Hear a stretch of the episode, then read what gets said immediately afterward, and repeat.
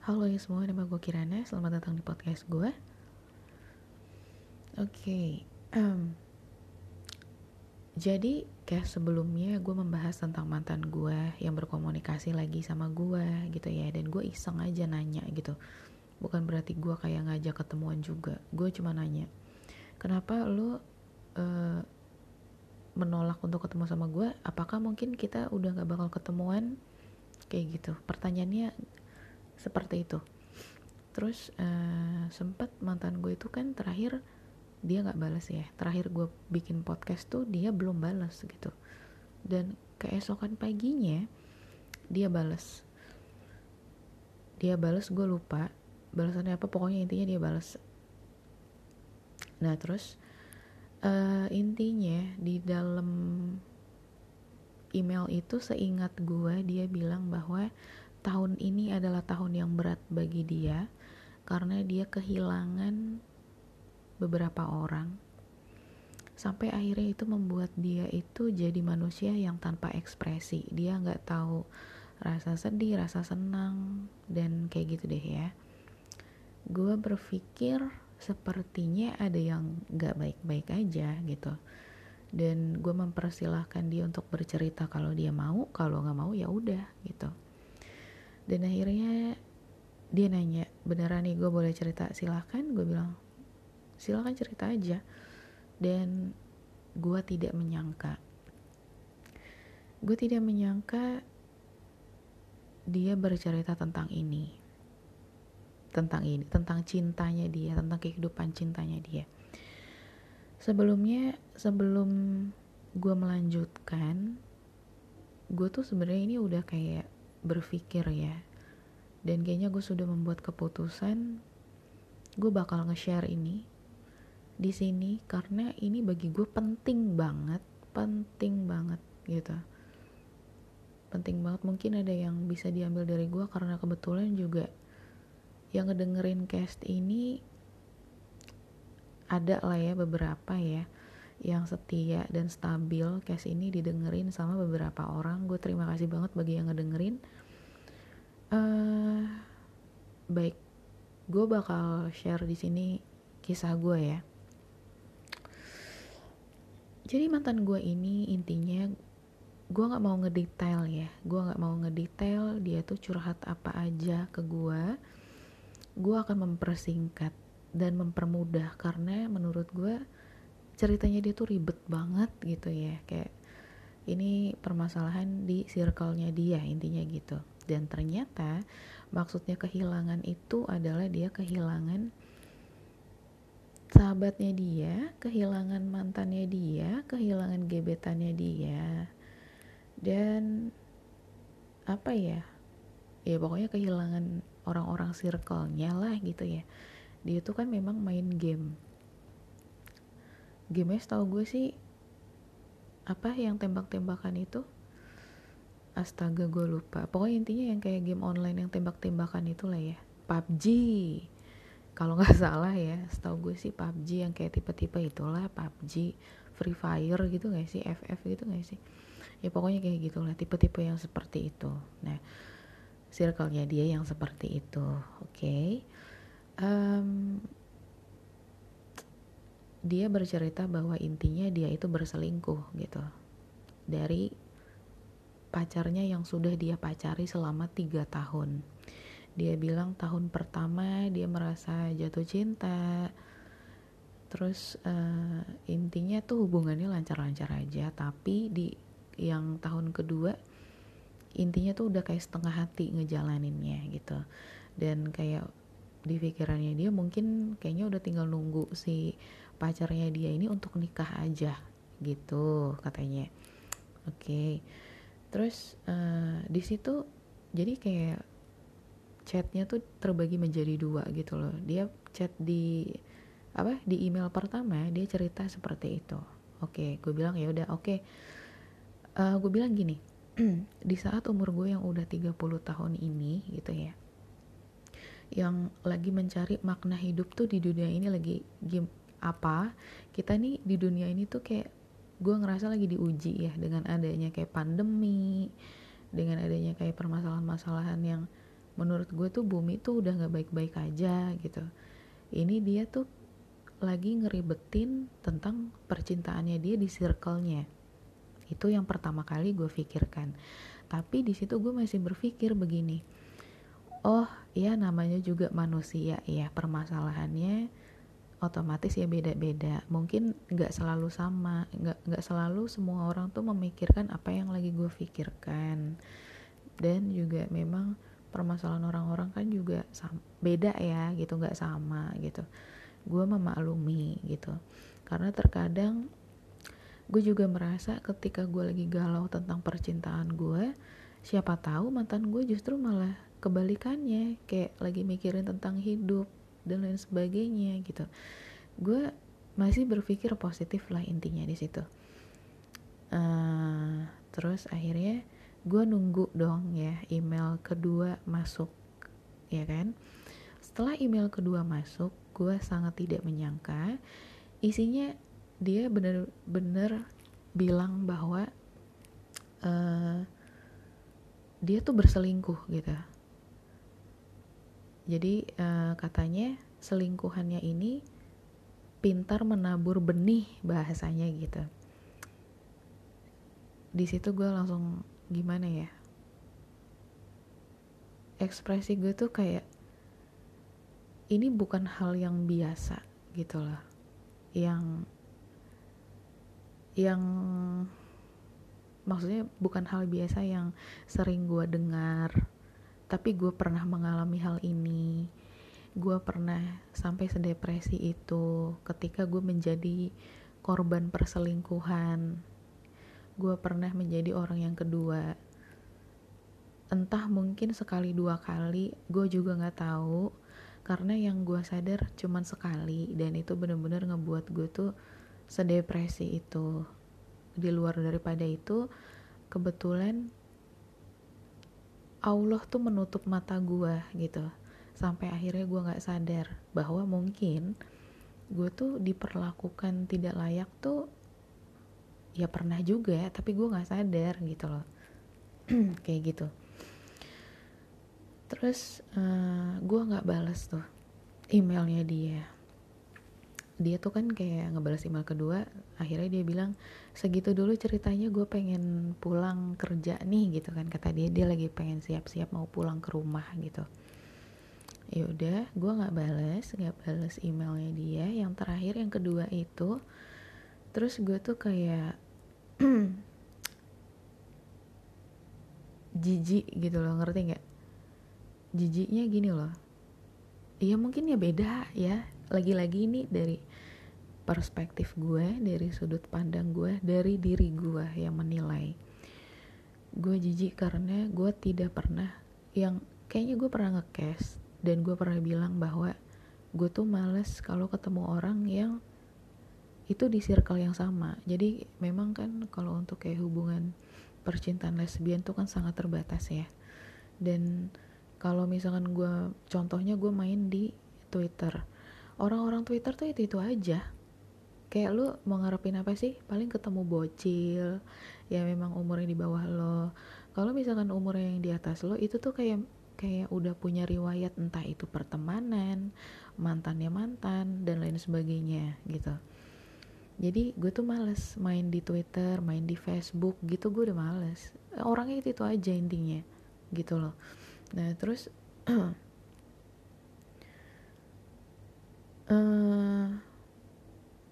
ya jijiknya ya karena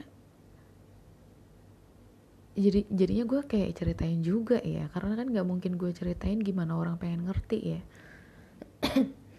Katakanlah gini pacarnya dia A gitu ya. Dia kan punya pacar A nih ya. Terus uh, kemudian dia main game. Main game sama si C eh iya sama si C. C itu mantannya dia mantannya mantan gue ini jangan pusing ya gue udah pelan-pelan nih. Gue udah pelan-pelan untuk kayak ngejabarin dulu. Gue ulangin ya.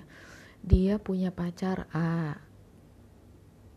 Dia punya pacar eh dia punya mantan C gitu ya A dan C.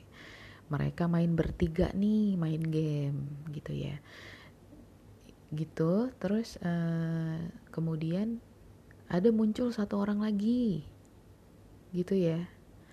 D gitu ya. Nah si D ini intinya pacaran sama si C. C itu tadi mantannya si mantan gua gitu. Pacaran sama si C. D pacaran sama si C oke. Okay. gak tahu intinya. Intinya nih ya mantan gue pacaran sama si D juga. Jadi kayak selingkuhnya masih ribet gak loh ribet kan? Ya intinya kayak gitu. Jadi kayak percintaan di dalam circle-nya dia lah ya muter-muter aja kayak gitu. Kayak gitu. Nah terus ya jijik ya. Gue yang ngebayangin tuh gila ya. Kok bisa sekali-kalinya ya sekalinya memang mungkin si D ini memang tipe orang yang memikat nih misalkan gitu ya. Misalkan kayak flirty flirty kayak menggoda-menggoda gitu. Terus lu mohon maaf nih agak kasar lu punya otak kan gitu loh. Punya dong gitu. Sekalinya memang dia bilang gini gue keselnya dia mengetik itu dengan sangat fun gitu kayak seneng aja gitu loh gue bisa merasakan ketika dia memang benar-benar selingkuh gitu loh. Dia memang selingkuh tuh dengan niat gitu.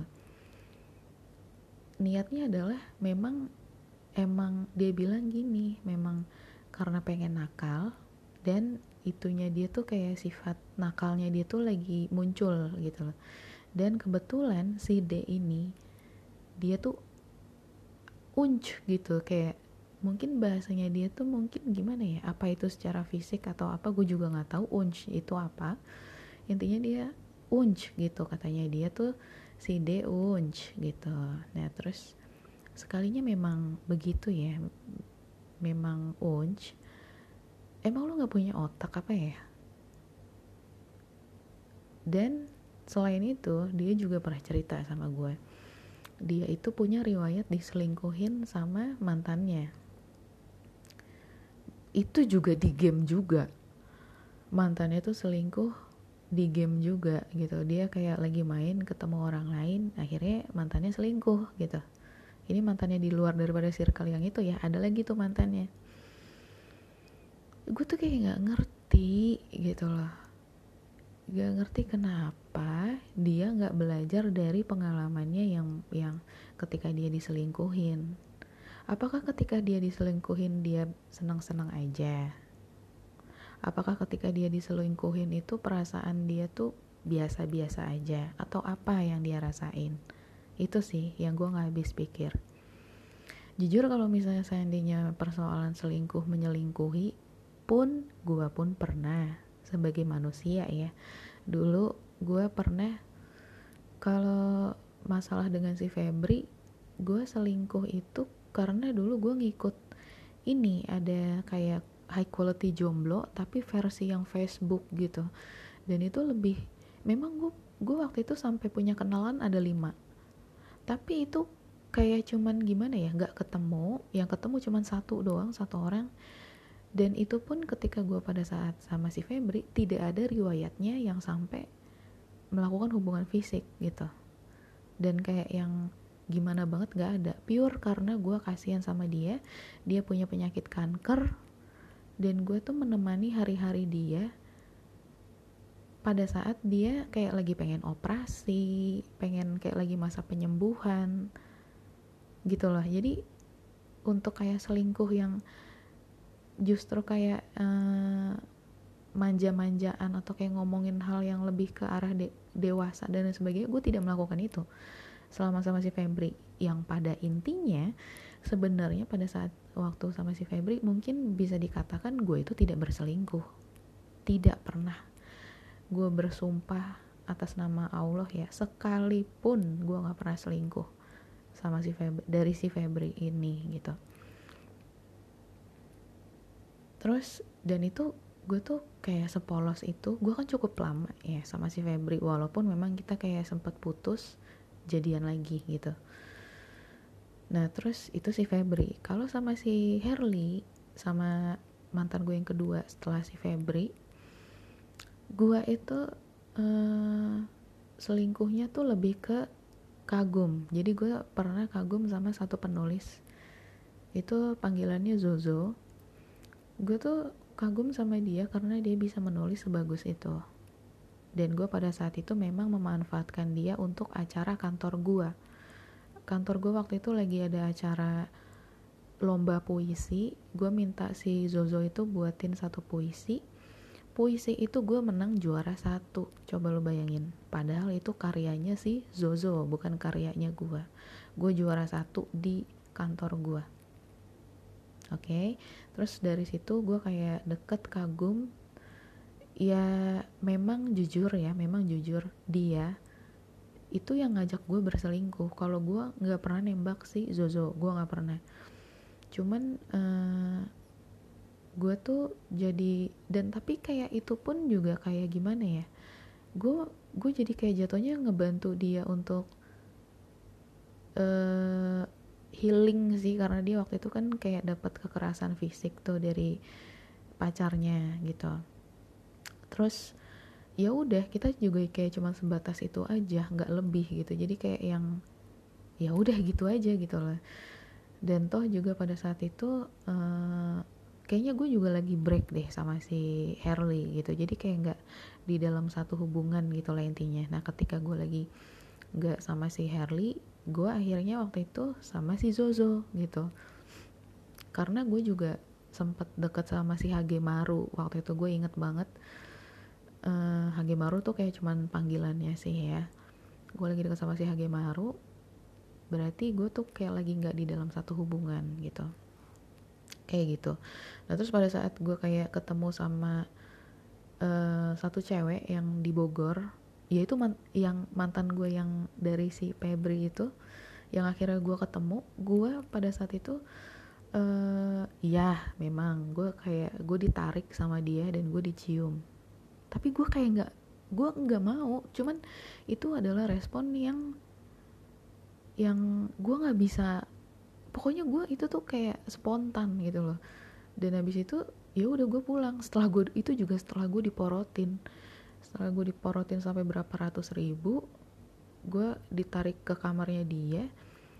Dan kayak dia dia tuh sebenarnya pengen gue sentuh disentuh pengen disentuh gitu. Karena dia udah narik narik gue di belakang pintu dan dia nyium gue udah kayak gitu dia narik gue ke kasur.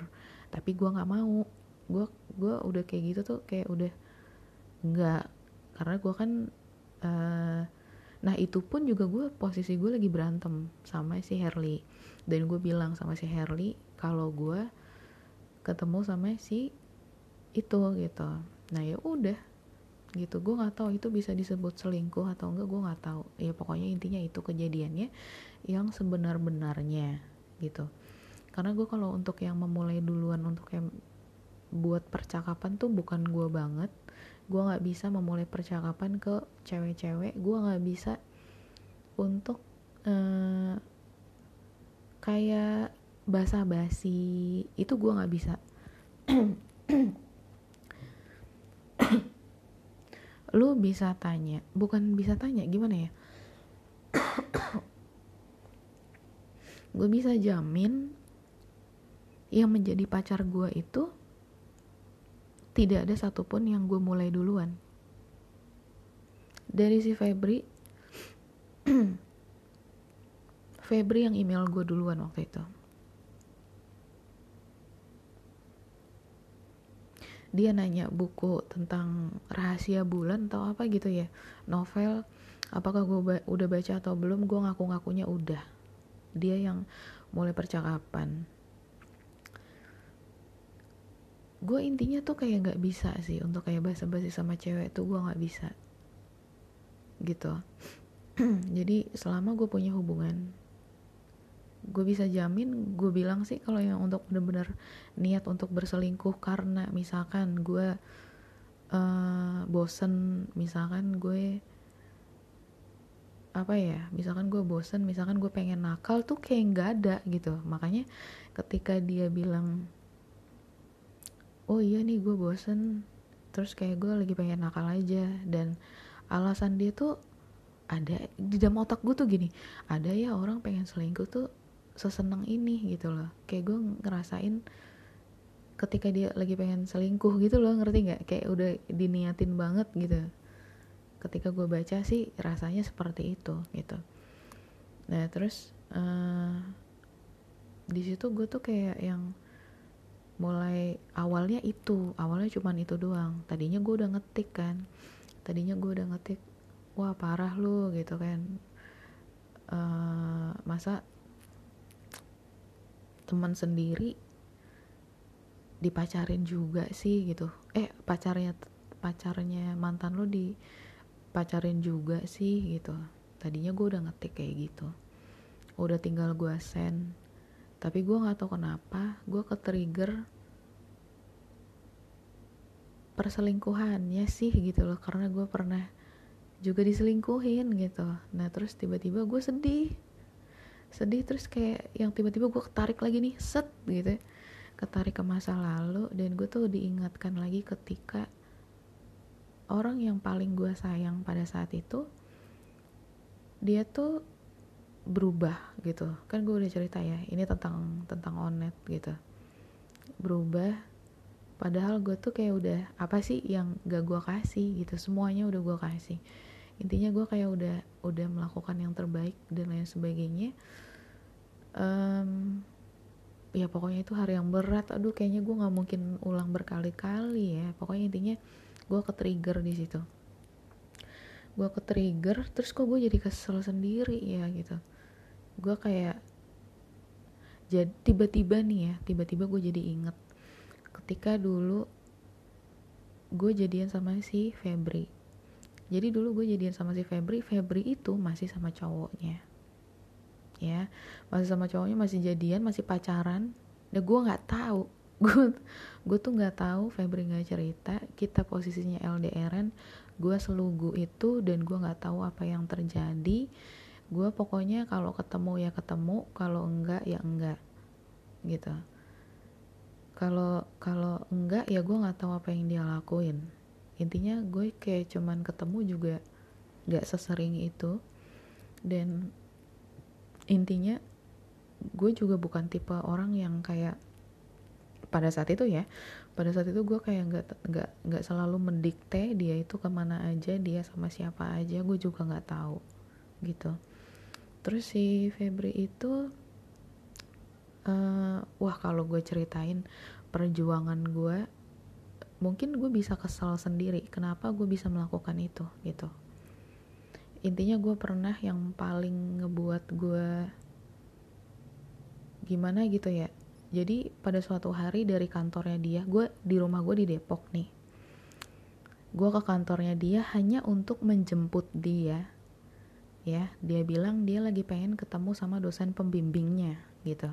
Pada saat itu dia kayak lagi ngerjain tugas akhir gitu lah intinya atau gimana gue nggak tahu intinya dia lagi pengen ketemu sama dosen pembimbingnya. Dia bilang wah aku harus sampai jam satu nih gitu. Cabut dong gue ya kan.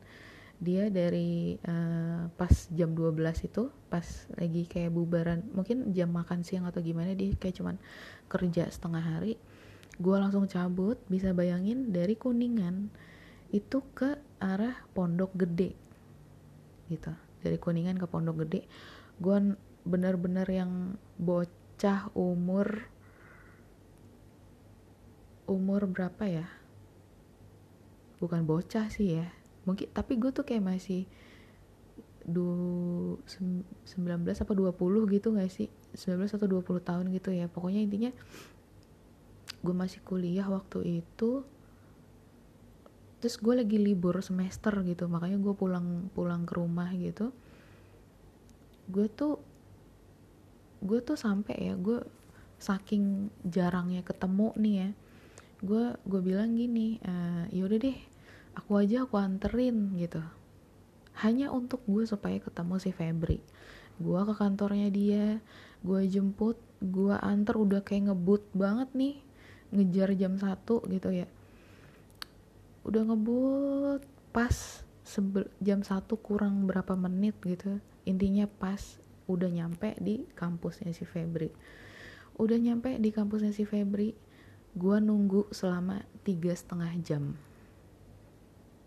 Tiga setengah jam di lobby di lobby gue inget banget tempat duduknya tuh tipe kayak rumah sakit gitu yang dari plastik gitu yang kayak tempat duduk rumah sakit zaman dulu gitu lah ya dari plastik gitu. Gue duduk di situ di deket lift depan gue lift. Gue inget seinget itu. Terus selama tiga setengah jam itu gue duduk handphone gue mending yang BlackBerry yang bisa lo bisa kayak ngelihat Facebook bisa ngelihat YouTube bisa HP gue tuh masih HP yang kartunya isinya tiga gue inget banget gue nggak bisa ngapa-ngapain. Handphone gue tuh kayak masih handphone jadul. Gue nungguin dia nih ya. Dengan santai pas udah tiga setengah jam kemudian dia dengan santai ketawa-tawa sama teman-temannya gitu. Uh, gak ada permintaan maaf apa-apa gak ada yang kayak basa-basi apa gitu. Terus gue tanya kan kok lama banget sih yang? gitu. Iya tadi aku duduk-duduk dulu di atas begitu. Dan itu tuh uh, udah kayak gitu gue kayak nganterin ya mungkin makan kali ya atau gue lupa deh pokoknya intinya dari situ gue ya langsung cabut sama dia gitu. Nah abis dari situ gue lupa tuh mau ke mana. Gue ingetnya gue nunggu lama banget itu tiga setengah jam itu ya. Rasanya tuh gue udah beberapa kali dilihat orang. Kayak gimana ya dari yang tempat duduk itu mungkin ada orangnya nggak ada orangnya ada orang lagi gitu. Dan gue tetap duduk di situ duduk tiga setengah jam gue duduk. Karena memang ya gimana ya mau diri tuh kayaknya gue ngerasa gimana gitu. Jadi kayak duduk aja gue duduk gitu. Pas gue bangun padahal badan gue gila pegel banget gitu. Terus ya udah nggak ada kayak basa-basi maaf ya lama nungguin dari tadi. Nggak ada nggak ada. Terus ya udah gitu. Itu baru satu. Banyak hal yang menurut gue tuh gimana ya? Mungkin gue selugu itu sebodoh itu ketika gue sayang sama orang. Kayak gitu sih. Padahal gue nggak tahu dia dia tuh kayak gimana tuh gue nggak tahu. Dari dulu memang padahal gue udah tahu ya maksudnya dia ini udah nggak jujur nih sama gue. Ketika kayak menjalin hubungan sama gue aja pertama udah nggak jujur. Seharusnya logikanya gue udah tahu bahwa ini mungkin akan kejadian lagi untuk yang kedua kali atau ketiga kali atau keberapa kali gue nggak tahu. Seharusnya. Tapi kan namanya juga lagi-lagi ketika gue pacaran sama dia umur gue masih 18 tahun. Gue masih SMA kelas 3 gue nggak pernah cinta-cintaan. Ketika itu ada orang yang suka sama gue itu aja gue udah seneng udah syukur udah udah sesuatu hal yang menurut gue tuh beda di hidup gue gitu. Dan gue memang selugu itu. Lu mau dorong gue ke jurang juga mungkin gue juga bakal diem aja kali. Gue tipe orang yang kayak gitu dulu. Udah kayak gitu um, itu sama si mantan cowoknya nih ya. Udah nih di tengah hubungan kita putus ya kan? Kita putus dia ternyata deket kan sama satu anak Facebook. Gue sih udah tahu ya taunya dari mana. Karena dia sering komen-komenan sama si orang Facebook ini namanya Mahda. Kayak gue pakai akun gue yang satunya gue suka stalking gitu rajin banget ya gitu. Si Febri kok komen-komenan tapi gue di situ masih kayak yang ah mungkin temennya gitu kali ya gitu. Kayak masih yang kayak gitu walaupun udah kayak ada rasa cemburu juga sih gitu. Kayak gue sendiri nih ya kayaknya dia jarang deh komen di gue gitu. Kok dia rajin banget komen di tempatnya si Mahda gitu. Kayak gitu. Nah terus udah kayak orang kayak lagi PDKT-an gitu lah intinya. Pada suatu hari hubungan gue nggak baik-baik aja. Singkat cerita kita putus. Gue sama si Febri itu putus. Belum ada selang beberapa hari. Kemudian gue tahu sih mereka tuh lagi PDKT cuman si Mahda itu bilangnya oh iya gue lagi pengen manasin mantan gue nih gitu. Kayak ada drama gitu loh kayak ada drama. Dan akhirnya gue tuh uh, udahlah gue percaya aja lah gitu ya. Lagian juga gue udah putus kan sama si Febri gitu. Nah dalam posisi seperti itu beberapa hari kemudian akhirnya mereka beneran jadian gitu. Ya udah gue di situ bener-bener yang patah hati itu patah hati bener-bener yang percintaan ya. Itu adalah patah hati pertama yang sangat membuat gue terpukul pada saat itu. Berat badan gue turun drastis bener-bener turun drastis. Sampai temen gue itu semuanya mau itu kayak temen SD, SMP, semuanya tuh pada kaget ngeliat gue mereka pikir gue punya penyakit kanker waktu itu. Karena gue terlihat kurusnya tuh sangat layu gitu loh. Badan gue tuh layu banget. Kayak orang yang benar-benar kurang gizi gitu. Pokoknya kayak gitulah intinya. Itu adalah patah hati pertama gue untuk soal cinta-cintaan kayak gitu. Jadi um, intinya kalau misalkan soal kayak gitu ya kayak patah hati tuh gue tuh udah aduh gue tuh kayak udah pernah gitu loh gitu sih. Jadi uh, apalagi kalau misalkan kayak perselingkuhan kayak selingkuh selingkuh itu gue dapetnya bener-bener gue dapetnya ya dari si onet. Eh iya bener dari si onet. Cuman gue yakin seyakin itu gue nggak tahu kenapa gue seyakin itu sebenarnya pada masa gue sama si Febri juga gue diselingkuhin tapi guanya nggak tahu. Karena gue lagi-lagi gini gue tuh gue tuh gue nggak tahu kenapa Allah tuh sayang banget sama gue itu sih. Yang gue rasain itu. Kenapa? Mata gue tuh ditutup ketika gue sama si Febri. Jadi gue tuh yang gue tahu adalah si Febri orang yang baik si Febri tuh orang yang begini gini gini. Pokoknya gue menilai dia tuh baik lah orang baik gitu. Di mata gue tuh gitu. Sesuai dengan wajahnya dia yang innocence. Gitu yang kayak tanpa dosa yang sealus itu gitu. Pokoknya intinya selurus itulah mukanya dia tuh innocence banget. Nah terus udah dong. Ya udah jadi nah setelah setelah itu setelah gue lagi kayak punya hubungan sama si Onet Febri bilang ke gue kayaknya gue dapet karma deh gitu gue uh, dulu lo ngejar-ngejar gue gue sekarang kayak ngejar pacar gue ngejar-ngejar pacar gue kayak gitu-gitu intinya. Tapi gue udah lupa ya maksudnya curhatan dia tuh kurang lebih seperti itu. Intinya dia kayak mendapat karma dari dari apa yang udah terjadi di masa lalu gitu. Terus gue tuh kayak waktu itu karena dia tuh cerita di saat yang tidak tepat di saat gue lagi berantem sama si Onet gue tuh kayak nggak menanggapi dia gitu loh. Kayak oh iya ya iya deh gitu. Ya baik-baik deh ya sama pacar lu ya gitu. Gitu jadi kayak gue gue tuh kayak nggak nggak terlalu peduli gitu loh dengan si Febri ini gitu. Toh juga kan gue lagi posisinya gue lagi kesengsem banget nih sama si Onet gitu loh. Jadi kayak udah udah kayak nggak peduli lah gitu. Nah terus udah kayak gitu uh, beberapa kali dia bilang bahwa iya nih gue kena karma gue kena karma gitu kata dia gitu terus gue baru sadar beberapa tahun kemudian gitulah ya. Bahwa ya apa yang lo tabur lo akan tuai gitu. Itu sih. Oh setelah gue dapet masalah dari onet. Setelah gue dapet masalah dari onet uh, gue yakin banget ya segala sesuatu. Kalau misalkan lu jalanin dengan tidak baik-baik ya lu juga bakal dapat hal yang sama. Karena gue pedoman gue gini ini tolong dicatat ya orang-orang. Tolong dicatat bagi yang ngedengerin ini. Orang baik gue percaya banget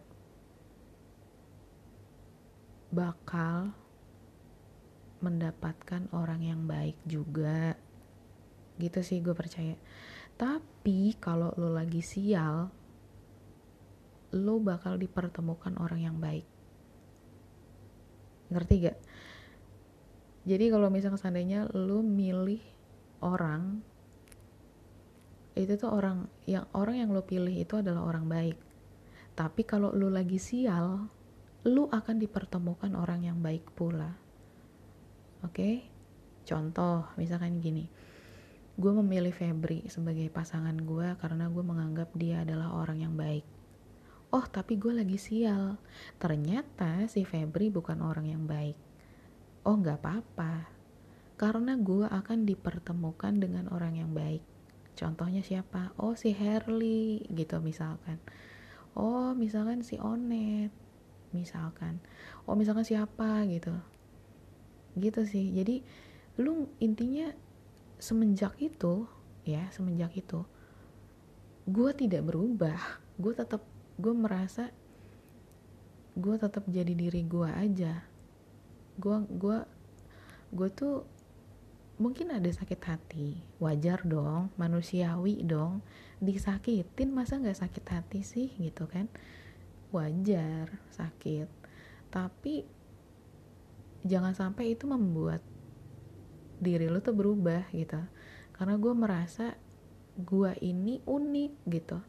Uniknya adalah gue bisa mempertahankan apa yang gue mau gue bisa ya pokoknya intinya tuh gue berusaha ya tidak melakukan hal yang buruk gitu ya ya bagi pasangan gue untuk pasangan gue intinya gue selalu melakukan hal yang terbaik untuk pasangan gue supaya pasangan gue juga happy. Ya walaupun terkadang kan niat gue juga nggak sejalan gitu kan makanya kan ada percekcokan juga. Itu kan udah di luar daripada faktor yang memang gue bicarakan gitu. Tapi kan memang niat gue tuh intinya gue berangkat dengan niat yang baik nih untuk menjalin sebuah hubungan gitu sih niatnya dulu gitu kan. Tapi kalau niat lo udah buruk ya ya lo bakal bakal dapetin semua hal yang buruk semua hal yang buruk. Nah kemudian uh, dari situ gue nggak pernah takut untuk uh, disakitin untuk dihianatin. Karena gue percaya Allah pasti kasih gue yang paling baik gitu. Lu gak perlu takut jangan takut. Jadi kalau misalkan lu di suatu hubungan lu ya itu disakitin diselingkuhin diapain sama pasangan lo hal-hal yang buruk lah intinya ya.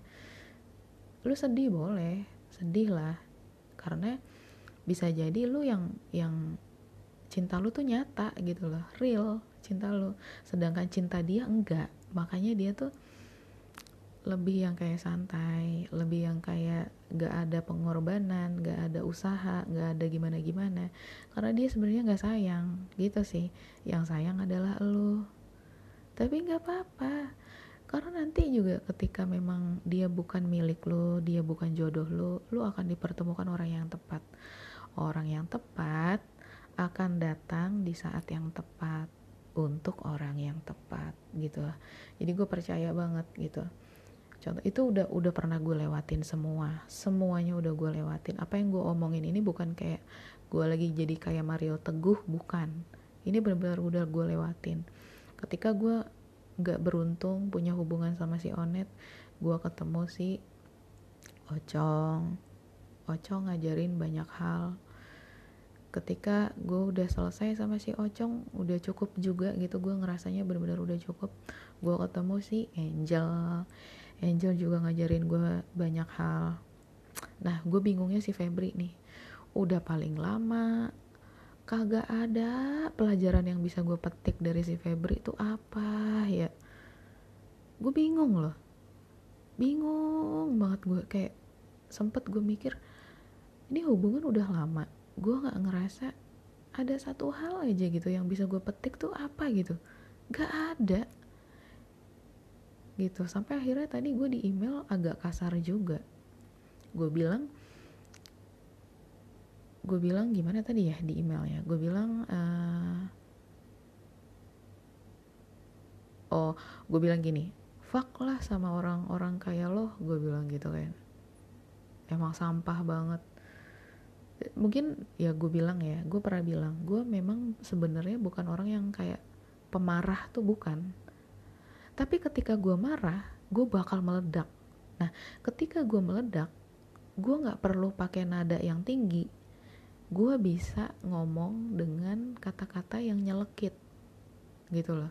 Ketika gue mengeluarkan kata-kata gue di situlah lawan bicara gue tuh langsung yang kayak kicep gitu loh. Nah di situ gue bilang sama dia lo tuh sampah gitu. Manu kayak gimana ya?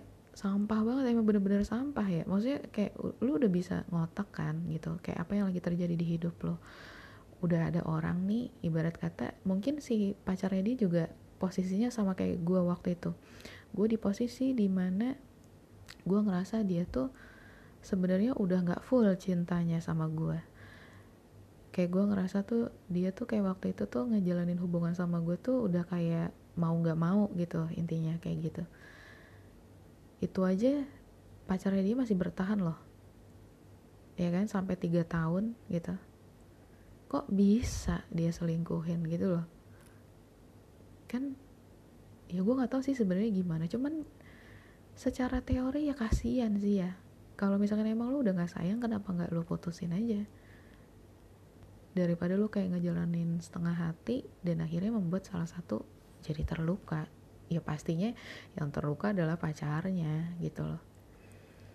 Gue kayak gedek aja gitu. Kenapa dari dulu tuh dia membuat orang tuh jadi kayak hmm, ban serep gitu loh.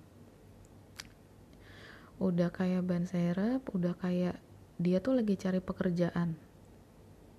Orang kalau lagi nyari pekerjaan kan tipenya adalah lu bakal bertahan sampai lu mendapatkan pekerjaan baru. Nah di pekerjaan lama lu baru resign gitu kan. Nah ketika resign lu udah dapat pekerjaan baru. Lah kok ini kok jadi sama ya? Dia tuh kayak menjalankan teknik itu untuk di masalah percintaan. Dia udah udah nggak serak nih sama pacarnya tapi kayak dia tuh kayak sambil mencari-cari ini orang mana yang yang bisa jadi target dia ketika dia udah kayak bisa nyantol di salah satu orang yang menjadi targetnya terus pacarnya diputusin apa ditinggalin apa gimana? Apa diselingkuhin gitu aja? Kan geblek ya gitu loh gerem gue gemes banget gemes banget. Gak usah ditanya lagi gemes gue sebagai orang yang kayak sebenarnya cuma penonton tuh jadi gue gemes banget ya. Kenapa sih ada orang-orang yang kayak gini tuh kenapa? Sebenarnya gue rasa tuh kayaknya dia ada di circle yang salah kah? Atau memang dia aslinya memang seperti itu kah? Atau apa gitu? Ternyata gue tuh kayak jadi merasa gini loh gue tuh sama orang-orang yang sebenarnya gue nggak ngerti gitu. Makanya kenapa gue detox. Gue detox hubungan selama 2 tahun coba lu bayangin ya gue berusaha tidak menjalin hubungan sama siapa pun. Gue berusaha kayak gimana ya selama 2 tahun itu memang gue sama si Nana sama si Risa sama si siapalah ya mau siapa itu tapi gue kayak bener-bener gue pengen ngebangun diri gue nih gitu. Kayaknya ada yang salah nih gitu. Kayaknya memang gue kok selalu gue gue ya jujur. Kemarin siang tuh gue nangis nangis nangisnya. Ya karena memang selain daripada gue memang cengeng hal lain yang ngebuat gue nangis adalah gue merasa selama ini tuh gue kayaknya disia-siain terus ya. Padahal gue itu udah setulus itu gitu. Pasti ada aja gue kurangnya pasti ada aja gue salahnya kayak gitu. Gue ngerasa gue harus apa ya gitu. Yang sebenarnya sih jawabannya udah ada tapi namanya juga orang galau ya. Namanya juga orang galau gue juga lagi galau gitu. Ya gue jadi kayak ke bawah aja gitu lah lagi-lagi gue ke bawah pada saat gue punya hubungan sama si Onet. Siapa lagi kalau bukan Onet? Gitu. Jadi kayak gue kayak bertanya-tanya gue kurang kali ya banyak kali ya kurang gue nih. Kayak ah udah pokoknya gitu deh ya. Kayak gitu. Hmm. Jadi uh, kalian bisa petik hal yang menurut kalian bisa dipetik kalian bisa buang hal yang menurut kalian memang ah gue nggak mau nggak mau dengerin gitu. Silahkan. Karena gue uh, kenapa gue bercerita? Supaya lebih masuk aja gitu apa yang pengen dibahas gitu kan. Karena memang harus ada latar belakangnya dulu gitu kan ya. Kalau untuk bercerita tuh menurut gue tuh kurang resep kalau gak ada latar belakangnya gitu jadi gue ceritain latar belakangnya kayak gitu sampai gue tarik akhirnya ya ini dengan terpaksa nih. Gue tarik cerita gue waktu gue sama si Febri gitu. Gue sih jujur ya ketika gue selesai sama si Febri benar selesai nih ya gue tuh udah ikhlas sebenarnya. Mungkin karena gue ikhlas itu yang pada akhirnya Febri tuh jadi cepet ngambil karma buruknya dia gitu sih menurut gue ya gue juga nggak tahu ya. Karena kan gue nggak pernah mendoakan yang buruk ya. Gue nggak tahu dia melakukan apa ke gue gue juga nggak tahu. Segala hal yang yang karma karma buruk dia ya itu yang dia rasain. Ya udah bodoh amat. Bukan urusan gue gitu. Orang gue juga udah gimana ya? Dia ngasih gue satu gue udah ngasih dia dua. Mau apa gitu. Jadi ya udah emang emang si Febri intinya memang dari dulu tuh emang udah punya potensi selingkuh selingkuh selingkuh tuh emang udah dari dulu.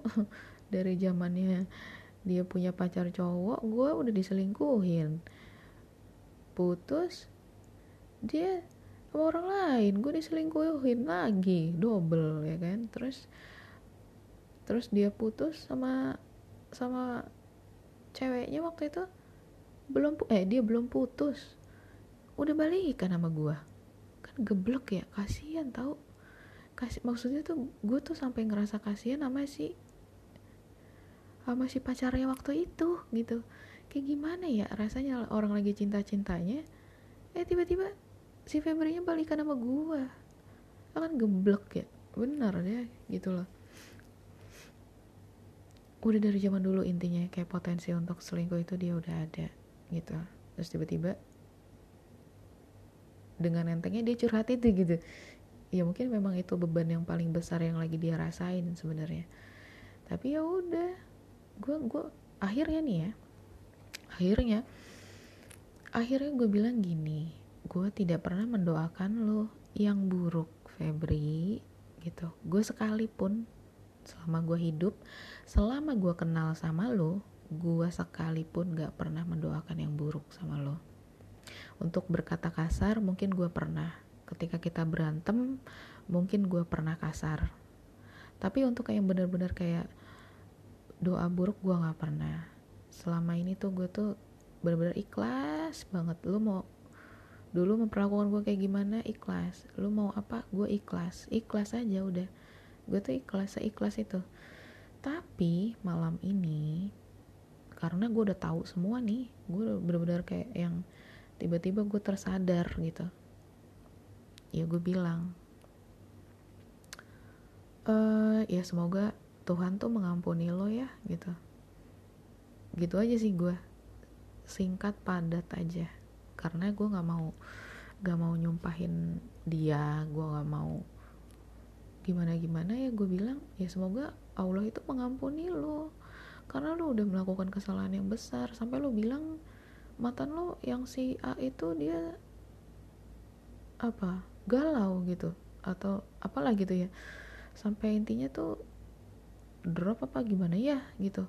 Dia bilang sih cuman kayak emailnya dia udah gue hapus saking gue jijiknya. Jijik jijik jijik banget gue.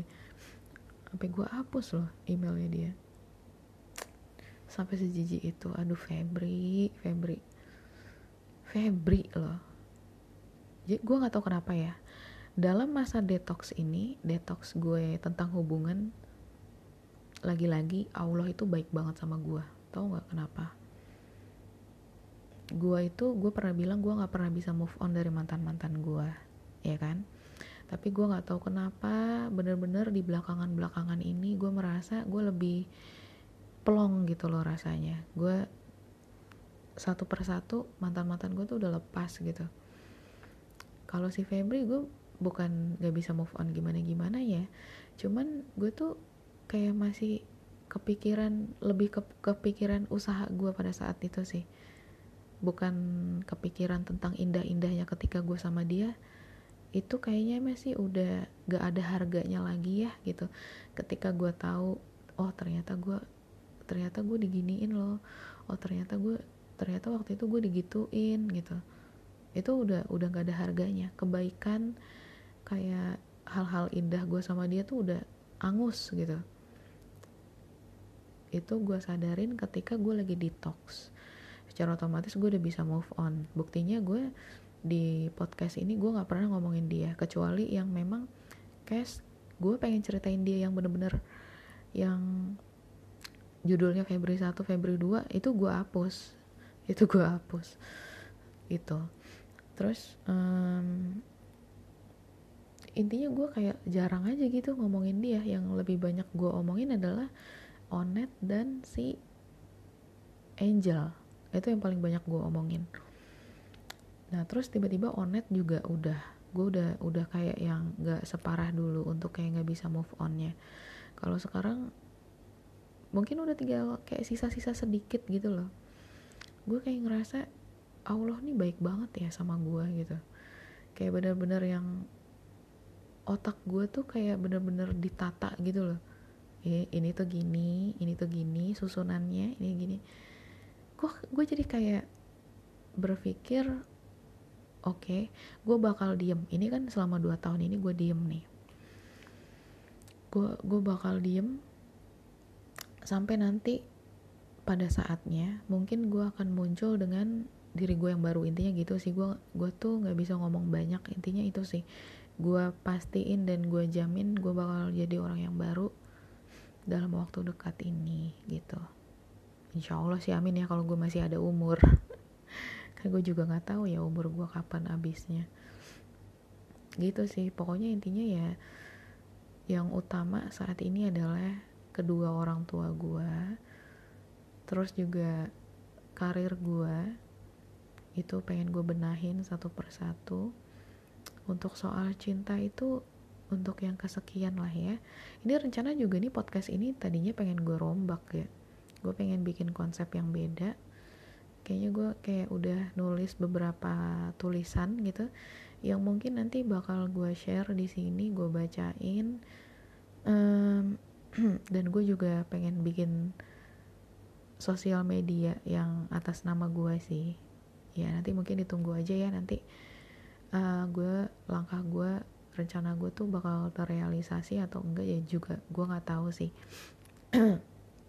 karena gue sambil ngerjain satu project lah intinya ya udah gitu dulu yang bisa gue share ya makasih udah ngedengerin podcast ini loh dari eh, nggak uh, tau kapan sih pokoknya intinya gue seneng banget ada yang ngedengerin sampai ketemu lagi di cast gue selanjutnya ya. Oke, okay, bye-bye.